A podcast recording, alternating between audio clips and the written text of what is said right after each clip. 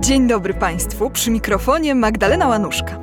Jako, że w połowie sierpnia mamy święto Maryjne, a poza tym jest sezon ogórkowy, no to ja dzisiaj opowiem Państwu o Madonnie z ogórkiem, a właściwie o kilku Madonnach z ogórkiem, bo wbrew pozorom jest tego sporo.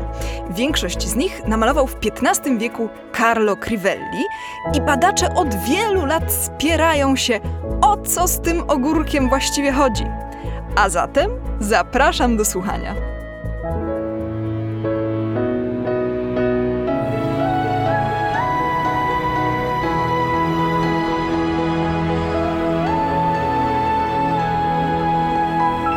Podcast powszechny. Weź, słuchaj. Są różne Madonny w sztuce europejskiej, ale do najbardziej enigmatycznych należą Matki Boskie z ogórkiem, głównie występujące w twórczości XV-wiecznego malarza włoskiego Karla Crivellego. Do najsłynniejszych przykładów należy Madonna z dzieciątkiem z kolekcji Julesa Beige, dziś w Metropolitan Museum of Art w Nowym Jorku. Ukazana w pół postaci, za parapetem, na którym na poduszce siedzi dzieciątko. Za głową Madonny wisi girlanda z trzema jabłkami oraz gigantycznym ogórkiem, który ma taką długość jak cała głowa Matki Boskiej. Podobnie ma się sprawa z przedstawieniem Madonny ze świętymi Franciszkiem i Sebastianem w National Gallery w Londynie. Tym razem Madonna jest ukazana całopostaciowo, tronująca i znowu wielki ogórek wisi jej koło głowy. A z kolei w Madonnie z dzieciątkiem z kolekcji Akademia Carrara w Bergamo za głową Madonny są inne owoce.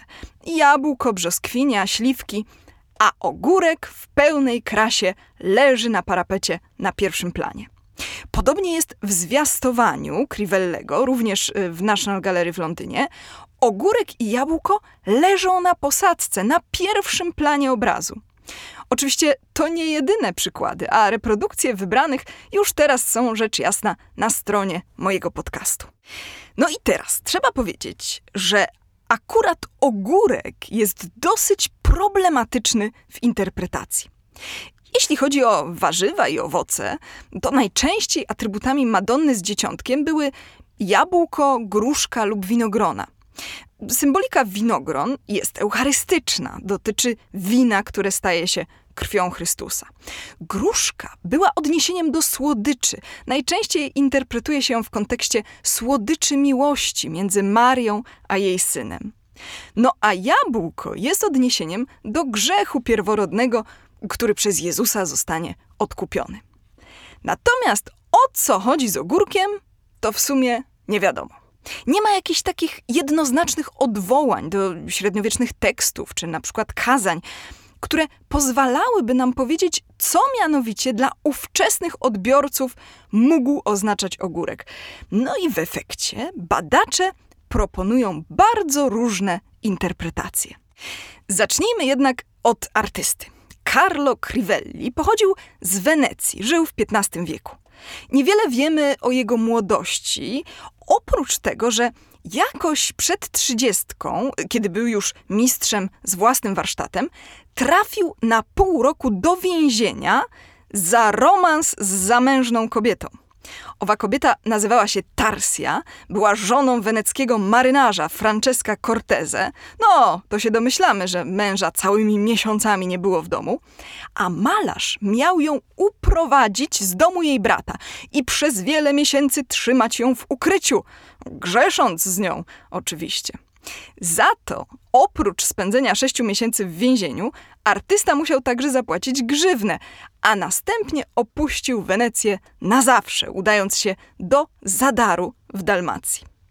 Ale potem znów się przeprowadził. Od drugiej połowy lat 60. XV wieku do swojej śmierci w 1495 roku działał w regionie Marchia w środkowych Włoszech. Od 1473 roku z jakiegoś powodu dodawał do swoich obrazów ogórki. Profesor Mirella Levi-Dancona w 1977 roku wydała książkę The Garden of the Renaissance – Botanical Symbolism in Italian Painting, y, w której również odniosła się do ogórków Crivellego. Badaczka zidentyfikowała je z tykwami, które też są podłużne i zielone. Należą one do rodziny dyniowatych, podobnie jak ogórki. Miało to być nawiązanie do biblijnej rośliny, pod którą zasnął prorok Jonasz. Jonasz z kolei odnosi się do zapowiedzi zmartwychwstania Chrystusa, bo tak jak ów starotestamentowy prorok został połknięty przez wieloryba, a po trzech dniach wypluty, tak Chrystus po trzech dniach wyszedł z grobu. W kwestii tej rośliny chodzi o opowieść z rozdziału czwartego księgi Jonasza. Prorok uczynił sobie szałas koło miasta Niniwa, a Bóg sprawił, że w jedną noc wyrosła roślina, która zapewniła mu cień, ale potem Bóg zesłał robaka i roślina uschła. I teraz z tą rośliną jest taka historia, że to najprawdopodobniej było coś, co Egipcjanie zwali kiki. Chyba chodzi o rycynus. Ale stary przekład italski, czyli wczesnochrześcijańska Biblia w tłumaczeniu na łacinę, która była oparta o grecki przekład 70, podawał, że ową rośliną miała być dynia. No tylko, że nie ta pomarańczowa, halloweenowa dynia, bo ona pochodzi z Ameryki i do Europy została sprowadzona dopiero w początkach XVI wieku, ale pod nazwą dyni, czyli kukurbita, w średniowieczu występowała właśnie tykwa.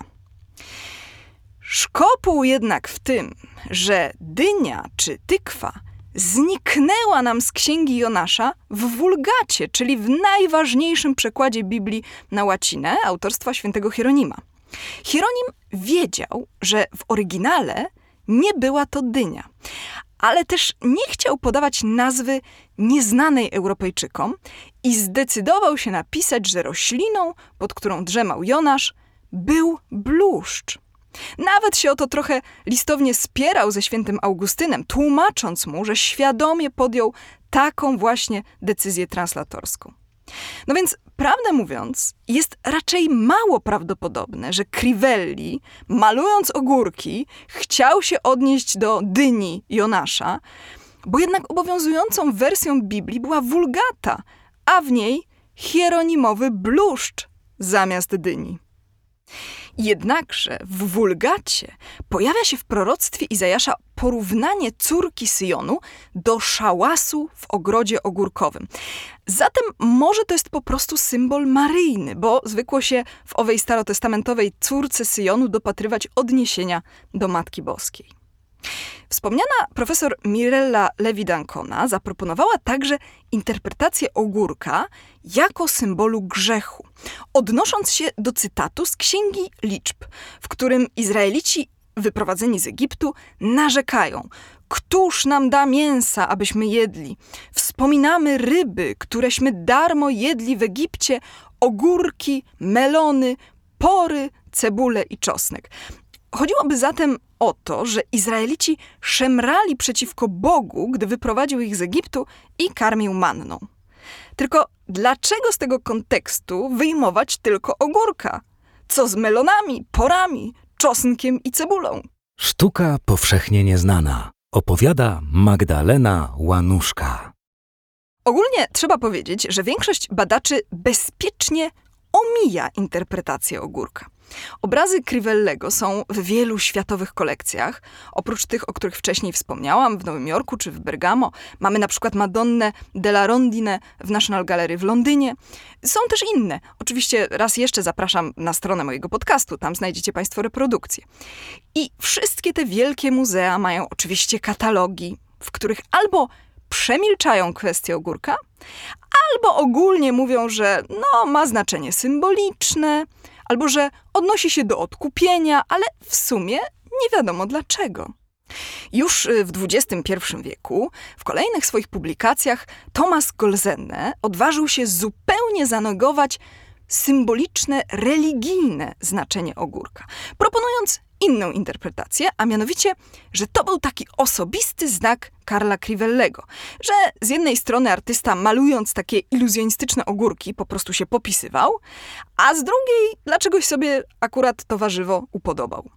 Są nawet spekulacje, że może się ten ogórek odnosić do grzesznej, cudzołożnej przeszłości artysty. No, pamiętacie Państwo, siedział za uprowadzenie żony marynarza.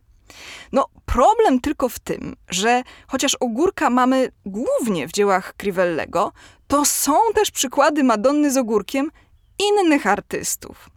W Metropolitan Museum of Art mamy Madonnę z dzieciątkiem, którą w czwartej ćwierci XV wieku namalował czynny w Anconie Nicola di Maestro Antonio oraz inną autorstwa Giovanniego Belliniego, datowaną około 1470.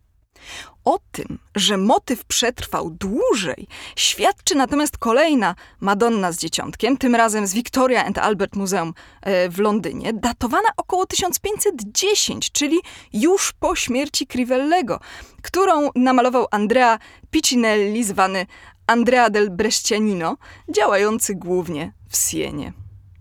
Ostatnio Lidia Tugendrak, amerykańska niezależna badaczka, opublikowała artykuł, w którym proponuje interpretację ogórka w kontekście słynnej skądinąd książki Leo Steinberga pod tytułem Seksualność Chrystusa zapomniany temat sztuki renesansowej. To jest y, tytuł polskiego tłumaczenia.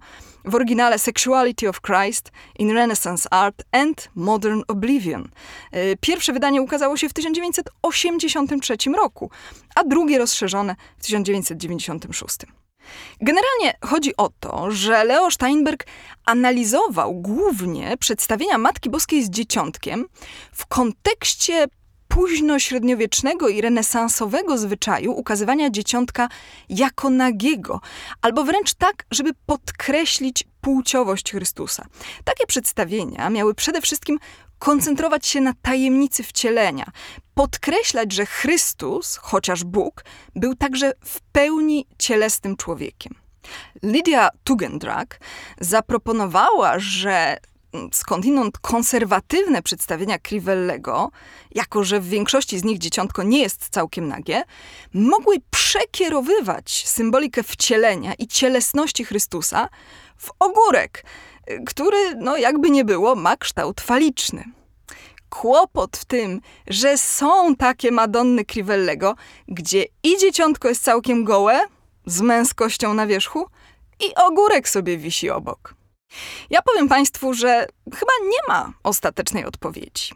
Sprawdzanie, co w tekstach średniowiecznych jest y, o ogórku, prowadzi nas zazwyczaj po prostu do traktatów o roślinach oraz do takich tekstów jak na przykład Tacuinum Sanitatis, czyli poradnik dotyczący zdrowego stylu życia.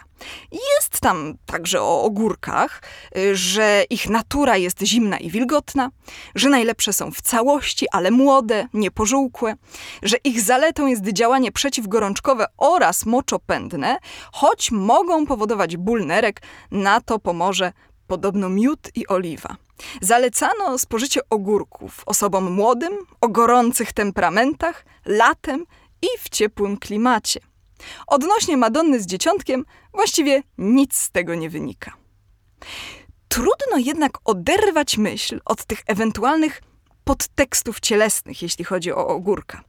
W książce poświęconej średniowiecznej literaturze hiszpańskiej znalazłam informację, że tamtejsze średniowieczne kodeksy prawne przewidywały surowe kary za uderzenie mężczyzny ogórkiem, co zapewne stanowiło jakąś zniewagę o podtekście seksualnym. Podobno także wierzono, że ogórek może być antyafrodyzjakiem, że powodować będzie u mężczyzn bezpłodność. Z kolei antyczni specjaliści, Hipokrates, Dioskurides czy Galen twierdzili, że podobna do ogórka roślina, zwana po polsku tryskawcem sprężystym albo oślim ogórkiem, mogła powodować poronienie, czyli była środkiem aborcyjnym. Tylko, że w kontekście Matki Boskiej z dzieciątkiem powinno być wręcz przeciwnie. Symbolika atrybutów powinna właśnie odnosić się do płodności, do wcielenia. Kluczowe moim zdaniem jest przedstawienie tego warzywa we wspomnianym już zwiastowaniu Crivellego, ponieważ właśnie zwiastowanie to jest moment wcielenia Chrystusa. To jest moment, kiedy Słowo stało się ciałem, a dzieciątko zaczęło rozwijać się w łonie Marii. I tutaj na pewno nie przypadkiem na pierwszym planie mamy jabłko i ogórek. W ogóle Crivelli dość często zestawiał ogórek właśnie z jabłkiem. Może po prostu trzeba to odnosić do jakichś wizualnych skojarzeń męskości i kobiecości, krągłości jabłka i podłużnego kształtu ogórka. Pamiętajmy przy tym, że dynamika męsko-damska jest akurat ważnym aspektem dawnych przedstawień Marii i Jezusa, ponieważ Matka Boska mogła uosabiać Kościół, a Kościół był też określany jako mistyczna oblubienica Chrystusa. Więc może jednak ten ogórek, pełen nasion i generalnie owocujący dość intensywnie w swoim sezonie, raczej rozumiano jako symbol błogosławionej płodności.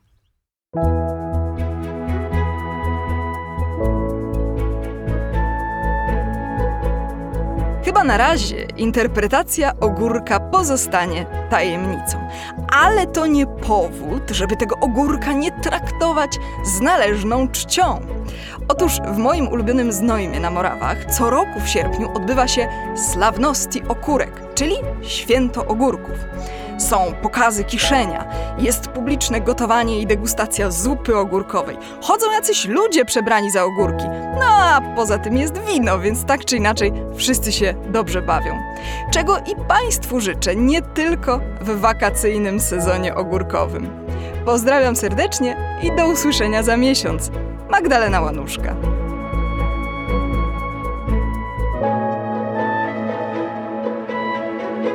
Jeśli słuchają nas Państwo w Spotify albo w Apple Podcast, zasubskrybujcie nasz kanał. Jesteśmy też w Google Podcast i w aplikacji Lekton oraz na www.tygodnikpowszechny.pl/podcast.